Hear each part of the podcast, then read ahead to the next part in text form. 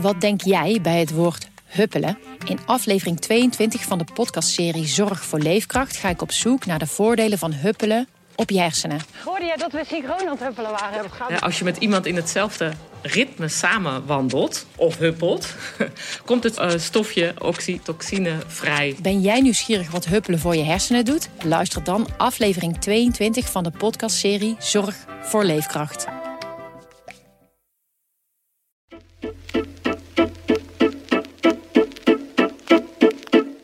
Hallo, dit is Haags Half Uurtje, de politieke podcast van Trouw. Mijn naam is Christophe Smit. We maken ons klaar voor een spannende verkiezingsweek. Uh, en tegenover mij zit vandaag Judith Harmsen, redacteur lokale democratie bij Trouw. Judith, van harte welkom. Dankjewel. Hey, als wij uh, de krant openslaan of de tv aanzetten, dan zien wij allerlei nationale kopstukken die uh, om aandacht vragen. Maar zij praten over dingen die uh, bij deze provinciale statenverkiezingen helemaal niet aan de orde zijn. waar gaan deze verkiezingen dan wel over? Um, kort samengevat over de strijd om de ruimte. Judith. Je hebt met een paar collega's een serie artikelen geschreven over die strijd om de ruimte. Um, en die zijn trouwens, die artikelen zijn te vinden in de show notes bij deze aflevering. Wat is dat precies voor strijd? Ja, dus die serie artikelen die we hebben geschreven over de strijd om de ruimte, dat was een samenwerking tussen de binnenlandredactie en de redactie Duurzaamheid en Economie. Uh, en dat heeft eigenlijk alles te maken met dat veel van de onderwerpen waar de provinciale staten over beslissen, hebben te maken met de ruimte. En hoe verdelen we die ruimte? Uh, en dat komt eigenlijk omdat de provincies uh, heel belangrijk zijn bij de inrichting van ons landschap. En eigenlijk keuzes maken over waar gebruiken we welk stukje Nederland eigenlijk voor. Waar, welke stukken kunnen we gebruiken voor landbouw? Waar mag natuur komen? Waar gaan we bouwen? We hebben natuurlijk veel nieuwe huizen nodig. Waar mogen die komen? en dat zijn allemaal eigenlijk onderwerpen die met ruimte te maken hebben. Vandaar eigenlijk die naam de strijd om de ruimte. En er moeten harde keuzes uh, gemaakt worden, begrijp ik, op dat, Zeker. op dat provincieniveau. Ja, uh, voor dat eerste artikel, artikel sprak ik met Jantine Krien. Zij is van de Raad van de Leefomgeving en Infrastructuur. En ik vond dat zij het mooi zei. Ze zei eigenlijk in Nederland hebben we uh, elk stukje grond heeft eigenlijk een bestemming. Uh, en uh, dat betekent dus dat op het moment dat je daar dingen in wil veranderen, bijvoorbeeld omdat we meer energie moeten opwekken op duurzame manieren en daar ruimte voor nodig hebben, dan moet je iets in die bestemming veranderen. En dat betekent dat je daar discussies over krijgt en strijd. Oké, oké. Okay. Um, de meeste luisteraars die weten misschien wel uh, in detail wat, wat, er precies, wat voor verkiezingen het precies zijn woensdag, maar uh, sommigen misschien niet. Kan je toch nog even uitleggen uh, hoe, hoe die verkiezingen werken? Waar stemmen we voor? Nou, we hebben, als het goed is, inmiddels allemaal onze stembiljetten gekregen. En dat zijn er dus twee. En dat komt omdat we stemmen ook voor de waterschappen. Um, maar het belangrijkste misschien wel is de provinciale statenverkiezingen. En dat is een stem die wij nu uitbrengen. En die bepaalt eigenlijk uh, wie binnen in, in onze provincies het voor het zeggen krijgt. En welke partijen daar mogen gaan besturen. en dat is ook een stem die uitmaakt voor de Eerste Kamer. Omdat straks in mei, geloof ik, de statenleden weer bij elkaar komen om de nieuwe Eerste Kamer samen te gaan stellen. Ja. Dus uh, eind volgende week weten we wel ongeveer hoe die Eerste Kamer er uh, over een paar maanden uit gaat als, zien. Als toch? het goed ja. is wel, ja. Um, die ruimte, hè, waar het nu zo vaak over gaat. Um, ik heb wel een paar provinciale statenverkiezingen in het verleden meegemaakt, maar daar hoorde je dit begrip eigenlijk nooit. Waarom is het nu zo urgent?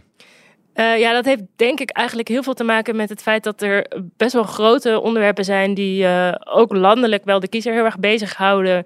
Uh, die een die te maken hebben met ruimte en waar dus provincies ook echt wel iets in te zeggen he hebben. Uh, een belangrijk voorbeeld is bijvoorbeeld uh, de wooncrisis. Uh, ik denk dat het iedereen wel bekend zal zijn dat er hele grote doelstellingen zijn als het gaat om het bouwen van nieuwe woningen. Die ook nodig zijn omdat er een groot woningtekort is. Hoeveel moet er ook alweer gebouwd worden de komende Volgens mij is de doelstelling ja. bijna een miljoen. Ja.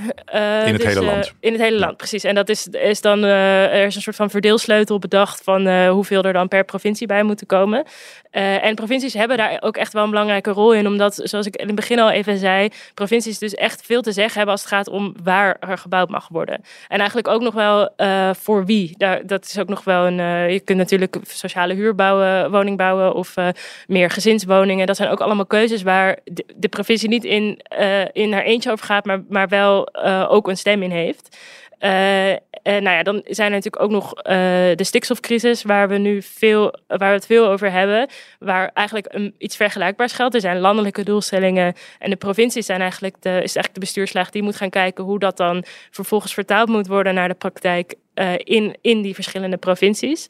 Uh, en zo zijn er eigenlijk belangrijke kwesties die met ruimte te maken hebben, waar de provincies een rol in hebben. En ik denk dat dat ook is waarom nu meer dan in andere verkiezingen uh, dat ruimtedebat de hele tijd terugkomt. Oké, en, en, nu heb jij en met, met collega's ook onderzocht uh, wat de kiezer eigenlijk belangrijk vindt uh, bij deze verkiezingen. Wat, wat kwam daaruit? dat klopt. Ja, we hebben samen met Kieskompas, dat is een onderzoeksbureau met wie we wel vaak samenwerken, hebben we eigenlijk een peiling gedaan over verschillende onderwerpen. En onderdeel daarvan was inderdaad de vraag welke thema's houdt, houden de kiezers nu bezig. En daar kwam uit met stip op één, zou ik wel kunnen zeggen, wonen. Um, het is een beetje, we hebben gekeken naar welke onderwerpen zetten mensen nou vaak in hun top drie. Omdat we er een beetje van uitgingen dat er misschien niet per se een heel groot verschil is uh, qua wat je belangrijk vindt tussen 1 en 2 en 2 en 3. Uh, maar als je het in je top 3 zet, dan wil dat wel zeggen dat je het heel belangrijk vindt. En dan zagen we dat uh, zeker onder de jongste kiezers was echt een groep van 80 dus de, de jongste groep was 18 tot 34.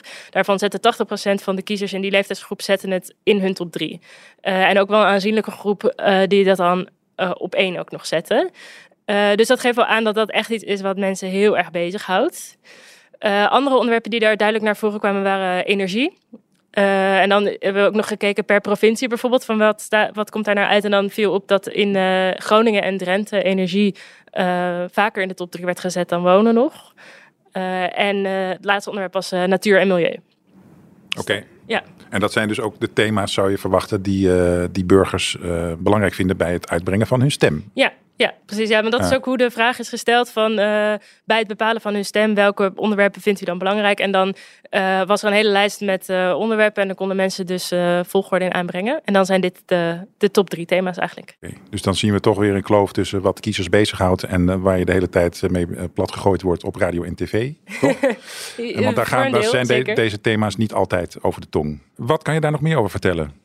Nou, eh, dat, dat klopt zeker. Want in de uh, verkiezingsdebatten gaat het natuurlijk deels ook vanwege het feit dat we ook indirect uh, voor de Eerste Kamer stemmen, gaat het ook veel over landelijke onderwerpen. Uh, asiel komt veel terug. Dat is dus niet een onderwerp waar de provincies een hele grote rol in spelen. En wat dus ook niet per se bij de kiezer nu het, eerste naar boven komt. Um, nou ja, het ging zelfs geloof ik op een gegeven moment over, over veiligheid en wel of niet een verbod op taakstraffen ja, dat zijn dus inderdaad geen onderwerpen waar de provincies provincie iets in te zeggen heeft. En als je dus aan uh, de kiezer de provinciale onderwerpen voorlegt, dan, uh, dan noemen ze dus inderdaad wel echt andere onderwerpen. Oké, je zegt asiel niet, maar, maar de opvang is toch wel een provinciaal thema? Ja, opvang klopt. van asielzoekers? Dus, uh, klopt. Ja. Dus bij, de, uh, bij het bepalen van waar opgevangen, dat is eigenlijk ook weer voor een deel een beetje een ruimtekwestie. Bij het bepalen van waar, welke locaties uh, kunnen we gebruiken om op te vangen, daar spelen provincies inderdaad wel een rol in. En provincies zijn ook toezichthouder op, op de gemeente als het gaat om wettelijke taken. en dan kun je bijvoorbeeld ook voorstellen dat de wettelijke taak om statushouders woningen te bieden. Dat zijn erkende vluchtelingen. Erkende ja. vluchtelingen, precies. Ja, uh, daar, dat is dus een van die taken die gemeenten hebben en waar de provincie op toe moet zien dat ze dat dus ook doen. Dus in die zin is het niet zo dat uh, provincies helemaal geen rol spelen in, in het asiel- en migratiedossier. Maar uh, als het bijvoorbeeld gaat over het terugdringen van migratie, ja, dat is echt iets wat eigenlijk niet eens landelijk. Uh, weet je, dat daarvan zegt uh, onze premier natuurlijk ook terecht van dat, dat zullen we in Europa gezamenlijk moeten doen. Uh, dus de vraag is of het heel erg veel zin heeft om dat nu in de aanloop naar de provinciale statenverkiezingen met elkaar te bespreken. Oké, ja, oké. Ja, als ik toch nog even door mag gaan over die opvangkwestie, want we hebben het heel vaak gehad over die spreidingswet voor gemeenten. Dat komt op neer dat gemeenten min of meer worden verplicht om asielzoekers op te vangen. Wat is de rol van de provincies daarin? Dat, voor, voor de strijd, dat is best een goede vraag. Um, ik, ik, weet niet, ik durf niet helemaal te zeggen hoe dit in de praktijk zou uitwerken. Maar wat je wel inderdaad ziet, uh, is dat het dan uh, een wettelijke verplichting wordt. En dat betekent in principe dus inderdaad ook dat de toezichtsfunctie van, van de provincie, dat is, dat is ze, kijken, ze kijken financieel hoe het ervoor staat in die gemeente, maar ook houden ze zich aan de afspraken.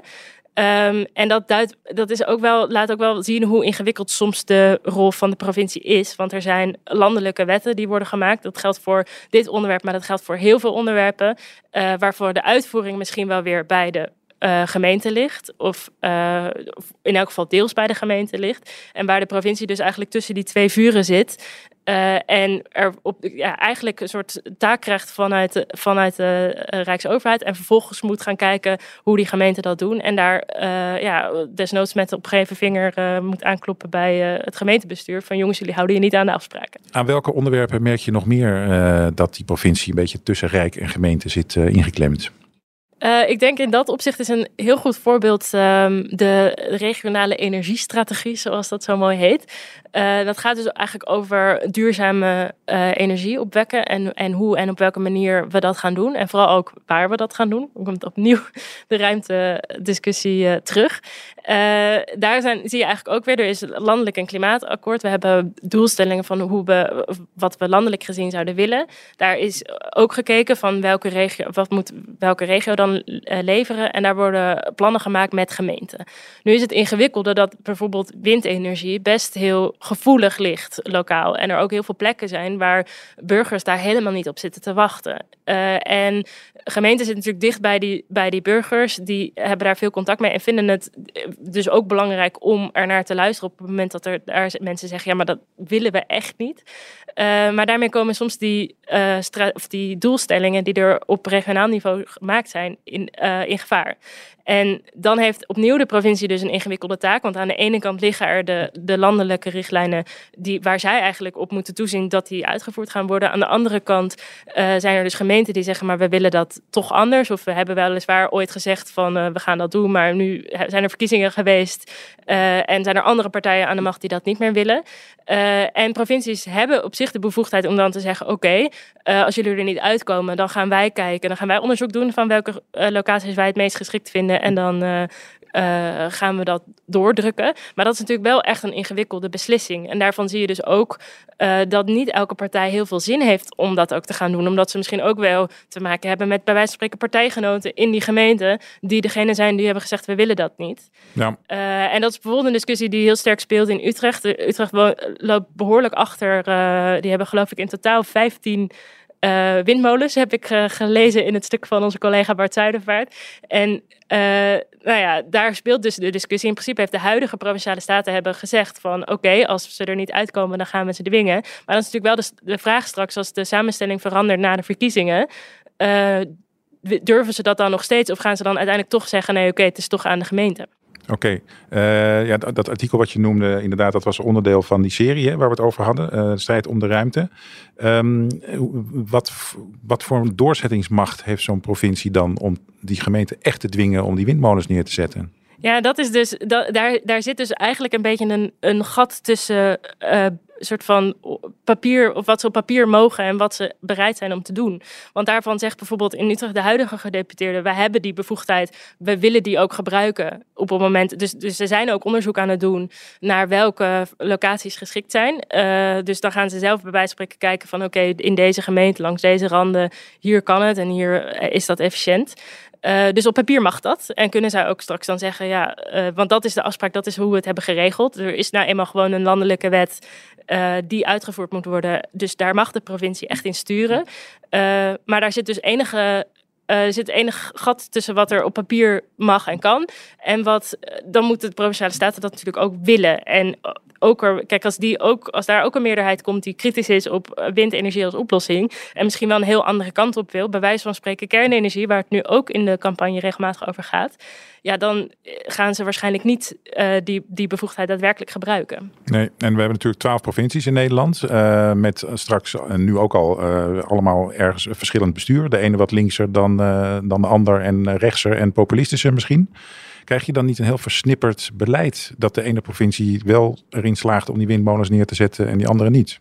Ja, dat is, dat, dat, daar, is, daar is denk ik een risico dat dat gebeurt. Uh, dat je inderdaad gaat zien dat daar verschillen in komen. Uh, het is natuurlijk de bedoeling in principe dat dat niet gebeurt. En dat is de reden dat het Rijk probeert wel om uh, landelijke doelstellingen te hebben. En eigenlijk op papier is het idee natuurlijk dat het Rijk bedenkt wat er gaat gebeuren. En dat dan die provincies lokaal gaan uitzoeken van hoe gaan we dat precies doen.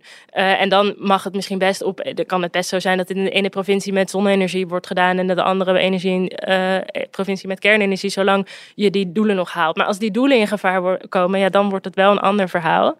Uh, ja, en dat is ook, ook wel de reden dat verschillende instanties, ook deze week weer het Planbureau voor de Leefomgeving, er eigenlijk ook voor pleiten van het Rijk moet echt een landelijke visie hebben die duidelijk is en die, die allesomvattend is. Dus waar verschillende van die ruimtekwesties in samenkomen.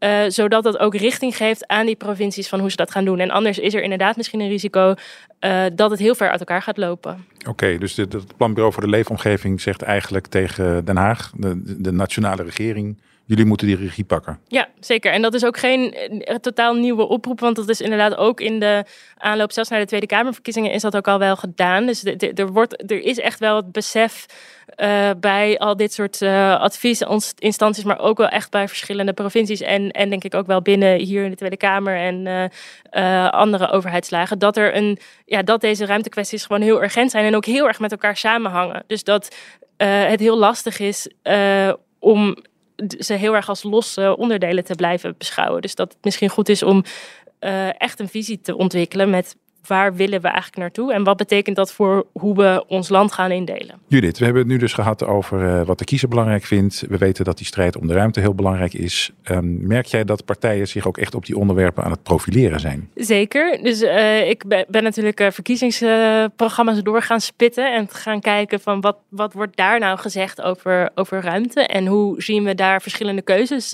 in terugkomen. Um, en om dan een voorbeeld te noemen, wat dus voor kiezers heel erg belangrijk is, dat is wonen. En op dat gebied zie je ook echt wel verschillen in uh, met name eigenlijk de vraag waar willen we bouwen. Um, als het gaat om wonen, dan is op het moment dat een gemeente buiten zijn eigen provinciegrenzen wil gaan bouwen, dus uh, zegt van nou dit stukje polder, uh, daar willen we een nieuwbouwwijk neerzetten, dan uh, hebben ze daarvoor toestemming nodig voor de provincie. De afgelopen jaren zag je al wel eens dat dat soms tot spanning kon leiden. Er is een bekend voorbeeld in Alphen aan de Rijn, de Gnephoekpolder heet die polder. En dat is een, een polder waar al heel lang discussie over was van kunnen we daar niet bouwen. Uiteindelijk was het gemeentebestuur was overstag. Uh, en vervolgens uh, trapte eigenlijk de provincie op de rem, omdat ze zeiden: ja, de bodem is hier eigenlijk niet geschikt. En er waren, tal van andere redenen, maar uiteindelijk wilde de provincie dat dus niet. En dan zie je dus dat de provincie daarin echt wel heel veel macht heeft. En dat het dus ook wel uitmaakt welke afweging maakt die provincie. Uh, als het gaat om binnen de bebouwde kom bouwen of buiten. En dat is ook echt iets wat je terugziet. Dus er zijn partijen, uh, GroenLinks bijvoorbeeld, die echt heel erg sterk zeggen: we willen prioriteit geven aan binnenstedelijk bouwen. Dus zoveel mogelijk binnen bestaande uh, bebouwde kom in steden, in dorpen. Daar is nog ruimte. We kunnen uh, leegstaande winkelpanden bij wijze van spreken ombouwen. Uh, en partijen die zeggen, ja, maar als we daarop gaan wachten, dan gaat het echt niet hard genoeg. We hebben dit soort grote bouwprojecten nodig. Dat is over het algemeen bijvoorbeeld meer aan de rechterkant. Dus VVD, CDA, ook ja 21 bijvoorbeeld, die daar echt wel wat stelliger in zijn. En dus ook buiten die grenzen willen bouwen. En dat is echt een belangrijk verschil. Uh, ja, waar, je, waar dus andere keuzes worden gemaakt. En dan komt bij mij gelijk uh, het woord natuur uh, bovendrijven. Uh, zijn dat inderdaad partijen die ook zeggen we moeten het wonen voorrang geven boven de natuur? Um, of je het zo hard in, op die manier kan zeggen, dat weet ik niet of ze, of ze daarvan uh, van zouden gaan stijgen. Maar ik, ja, uiteindelijk is het natuurlijk wel een andere afweging van. Eh, het zal op sommige plekken misschien ten koste gaan van in elk geval van groen. Uh, of dat beschermde natuur niet, niet per se, denk ik. Maar het kan wel groen zijn. Interessant is bijvoorbeeld dat de BBB, die natuurlijk opkomt voor, voor een groot deel voor ook de boeren. dat die ook heel stellig zijn met we willen liever niet te veel buiten de bebouwde kom bouwen. Zij zijn bang dat dat dan ten koste gaat van landbouwgrond. Dus in die zin uh, is het dus niet helemaal een links-rechts tegenstelling. En is het dus ook niet per se de keuze natuur of, uh, of bouwen. Maar, maar het kan in sommige opzichten er natuurlijk wel op neerkomen dat er groen verloren gaat op het moment dat je zegt deze polder gaan we toch gebruiken voor woningbouw. Oké, en als de BBB uh, zegt niet buiten de bebouwde kom bouwen, bedoelen ze dan niet gewoon de hoogte in? Uh, voor een deel, ja. met name in de steden. Ja, uh, dat is dus interessant, want uh, ik denk dat GroenLinks en BBB zijn over het algemeen misschien niet de meest natuurlijke samenwerkingspartners als het gaat om andere dossiers. Maar in dit dossier um, zou je je best kunnen voorstellen dat ze elkaar goed kunnen vinden. Want dat is eigenlijk dus wat GroenLinks bijvoorbeeld ook wil. Ah, nou, dan kunnen we al een beetje voorsorteren op de uitslag misschien. En uh, provincies waar GroenLinks en BBB het goed doen, die kunnen gelijk coalitie uh, vormen. Nou, ik, ik, denk dat andere onderwerpen misschien ingewikkelder worden, maar uh, ja, dit, op dit dossier wel. Is er ook een onderwerp waar partijen echt heel erg verdeeld over zijn? nou, een van de onderwerpen die ik zelf heel interessant vind, is de discussie over de wolf. Die met name ook in, in Drenthe heel erg hoog oploopt. Mensen echt wel een, een flinke mening over hebben. En waarom ik het interessant vind, is omdat het volgens mij best heel veel zegt over hoe verschillende partijen naar de natuur kijken. En ik kan dat wel uitleggen, om door even uit te leggen een beetje hoe de standpunten op het gebied van, van die wolf zitten. Um, aan de ene kant heb je partijen zoals bijvoorbeeld de Partij voor de Dieren en ook wel GroenLinks, die de wolf echt als een verrijking van het landschap zien en die uh, het heel mooi vinden dat dit dier dat inheems uh, is, dus, dus oorspronkelijk ook al in Nederland voorkomt, uh, voorkwam, de weg terug eigenlijk heeft gevonden en die ook vinden dat die wolf dus de ruimte moet krijgen. Dus dat wij ook als samenleving uh, ons er dan aan moeten aanpassen. Dus dan moeten we zorgen dat uh, op het moment dat uh, vee gepakt wordt door de wolf, dat daar gewoon goede compensatie voor is. Dat we hekken bouwen. Nou, eigenlijk is dat dus de aanpassing aan de wolf. en aan de andere kant van het spectrum heb je dan partijen zoals de BBB en ook wel andere rechtse partijen. noemen ja 21 die daar ook echt fel op is. dat die zeggen van nee, die wolf die uh, moet maar gewoon terug naar Duitsland. En die, we willen de regels aanpassen zodat we die.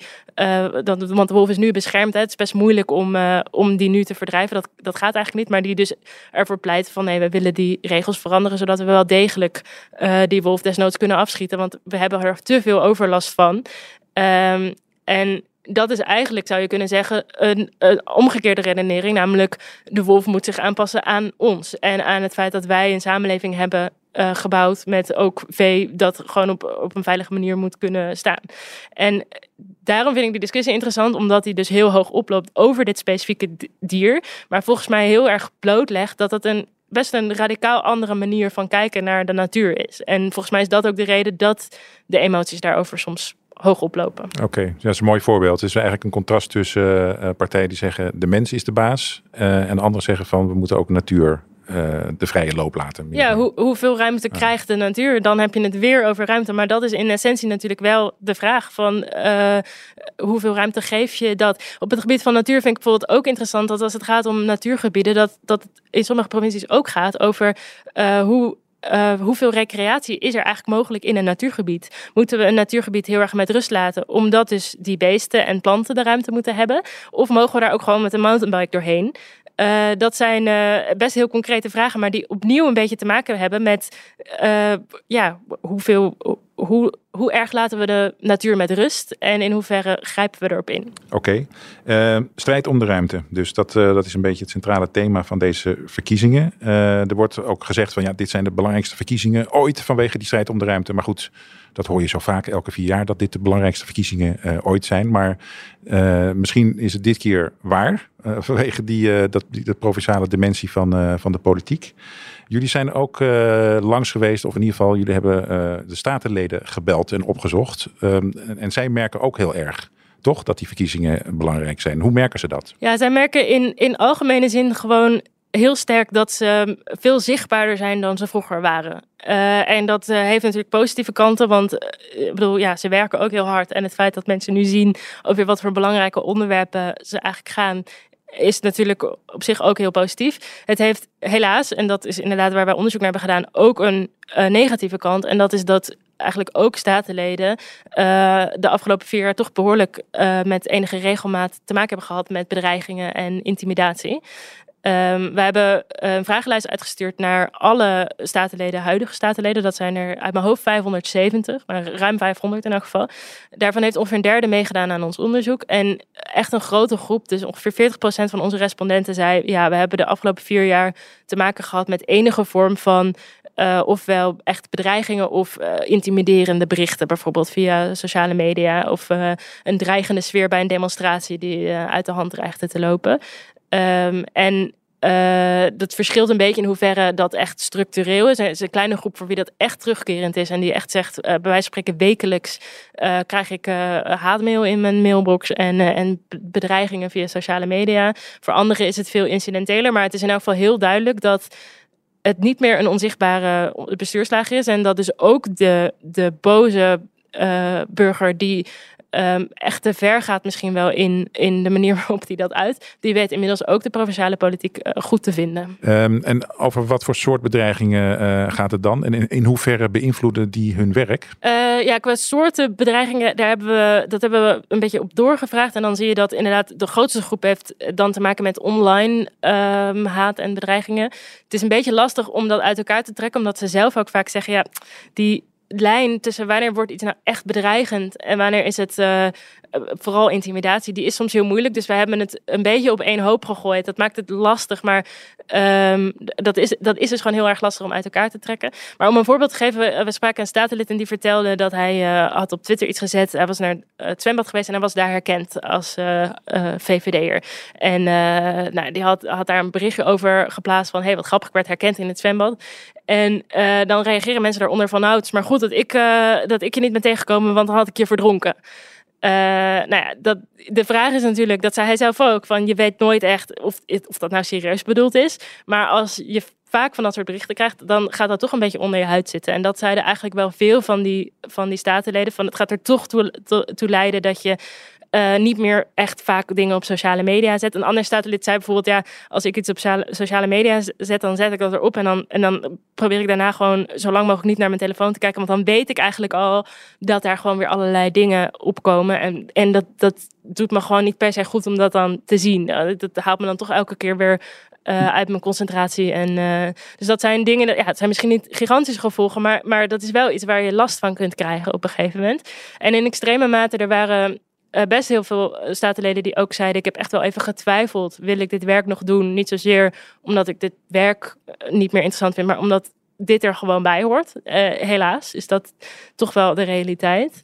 Uh, en ook wel statenleden die zeiden: Ja, ik ben voorzichtig ook met wat ik in de, in de statenzaal zet. Want ik weet dat als ik dingen heel scherp zet. en uh, dat wordt de kop in, het, uh, in, het loka in de lokale media. en die, dat krantartikel belandt online. ja, dan krijg ik weer van alles over me heen. omdat ik het net iets te scherp heb aangezet. Wat misschien in die context van die staatsvergadering wel kan. maar wat dan toch een eigen leven kan gaan leiden. En inmiddels weten die statenleden wel wat de gevolgen daarvan kunnen zijn.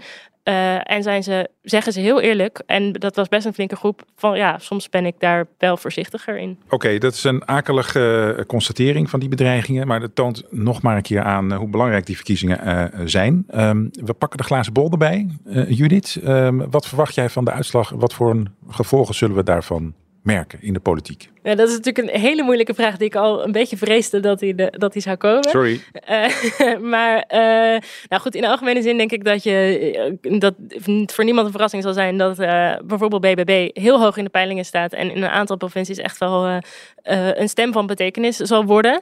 Ehm, er zijn een aantal andere partijen, ook aan de rechterkant, die uh, kritisch zijn op, op kabinetsbeleid als het om stikstof gaat, die echt wel een stem zullen worden, eh, gezamenlijk in de provincie. En afhankelijk van hoe groot die stem uh, gaat zijn, denk ik dat het ook wel kan leiden tot extra spanning tussen de provincies en het Rijk. We hebben het natuurlijk gehad over die ingewikkelde posities van de provincie, die dus eigenlijk die, die tussenpositie. En die tussenpositie wordt er niet heel veel makkelijker op op het moment dat het provinciebestuur echt een andere kant op wil dan het Rijk. Dus dat is wel iets waarvan ik eigenlijk wel verwacht dat dat uh, in elk geval een deel van de provincies uh, uh, tot iets meer ja, hoe zeg je dat, gediscussieerd tussen de provinciebestuurders en het Rijk gaat.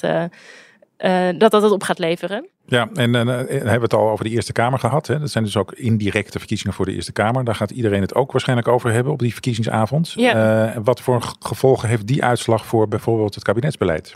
Ja, dat, uh, dat is natuurlijk een vraag die uh, mijn Haagse collega's waarschijnlijk beter kunnen beantwoorden dan ik. Maar goed, volgens mij kun je inderdaad zien aankomen dat uh, het wel heel erg de vraag wordt van welke, voor welke plannen is nog een meerderheid. Dus het kabinet zal moeten zoeken naar, naar meerderheden. En nou ja, de, een belangrijke vraag is natuurlijk bijvoorbeeld hoe gaat het nu verder met de stikstof? Gaan we inderdaad die doelstelling zoals we nu willen op 2030 houden? Nou ja, daarvoor zal de samenstelling van de Eerste Kamer echt heel veel uitmaken. En een groei van BBB provinciaal zal dus ook betekenen een stem van betekenis in de Eerste Kamer. En dan worden dat soort dingen wel ingewikkelder. Afhankelijk natuurlijk van wat er aan de andere kant gebeurt. Uh, interessant vind ik bijvoorbeeld ook wel wat de Partij voor de Dieren gaat doen. Dat is natuurlijk de partij die zich eigenlijk als een tegenpol BBB kan profileren. Die eigenlijk al heel lang, heel gestaag aan het groeien zijn. Ja, die winnen eigenlijk uh, bijna elke verkiezing iets, hè? Precies, ja. ja. En die hebben ook een hele bewuste strategie als het gaat om, om rustig groeien en zorgen dat ze echt goede ervaren mensen hebben. Uh, dus daar ben ik wel van benieuwd van als zij ook groeien in de provincie. Uh, ja, zouden zij, willen zij dan eventueel ook meebesturen? Ze hebben altijd wel gezegd van we, willen niet uh, compromissen sluiten op onderwerpen die voor ons uh, belangrijk zijn, dus op, op die groene onderwerpen. Maar misschien dat, het, uh, dat er wel een keer in beeld komt dat het mogelijk is. in de gemeenteraadsverkiezingen is er nu een gemeente waar ze in meebesturen. En dat, dat is wel iets waar ik benieuwd naar ben wat dat provinciaal bijvoorbeeld gaat doen. Oké, okay, spannend. Woensdag. we gaan het allemaal volgen. Is er nog iets wat jij specifiek gaat, in de gaten gaat houden op die dag? Ja, woensdag ga ik letten op de opkomst. Dat vind ik ook een heel interessante uh, vraag. Uh, vier jaar geleden was de opkomst relatief hoog bij de provinciale staatsverkiezingen. En ik ben heel erg benieuwd. Hoe Hoeveel dat, was die precies? Uh, volgens mij 56 procent, van van ruim boven de 50 procent. Um, en ook ter vergelijking, vorig jaar met de gemeenteraadsverkiezingen was de opkomst 50 procent. Dus dat vorig jaar was die opkomst viel volgens mij ook wel tegen. Er waren ook wel een aantal steden waar ik geloof dat Rotterdam bijvoorbeeld echt wel bezorgd was van hoe laag de opkomst was. Dus dat is iets waar ik, ik nu heel erg benieuwd ben uh, hoe dat nu gaat zijn. En waarin ik ook heel erg benieuwd ben van hoe verdeelt zich dat over het land? Zijn er nou regio's waar de opkomst echt hoger is dan anders? Uh, regio's waar die misschien tegenvalt? En uh, ja, wat zegt dat misschien over hoe betrokken mensen zich voelen bij deze verkiezingen en de politiek in het algemeen? Oké okay, Judith, uh, dankjewel voor jouw uh, heldere analyse aan de vooravond van deze verkiezingen. dank voor je komst naar Den Haag. Heel graag gedaan. dit was Haags Half Uurtje, de politieke podcast van Trouw. Mijn naam is Christel Smit en deze podcast werd gemaakt door Hanna van der Wurf en George Paul Henneberken. er staan meer podcasts op onze website www.trouw.nl slash podcast. En we hebben een e-mailadres haagshalfuurtje.trouw.nl. Volgende week, als de verkiezingen voorbij zijn, gaan we daar uitgebreid op terugblikken. Dus hopelijk tot dan.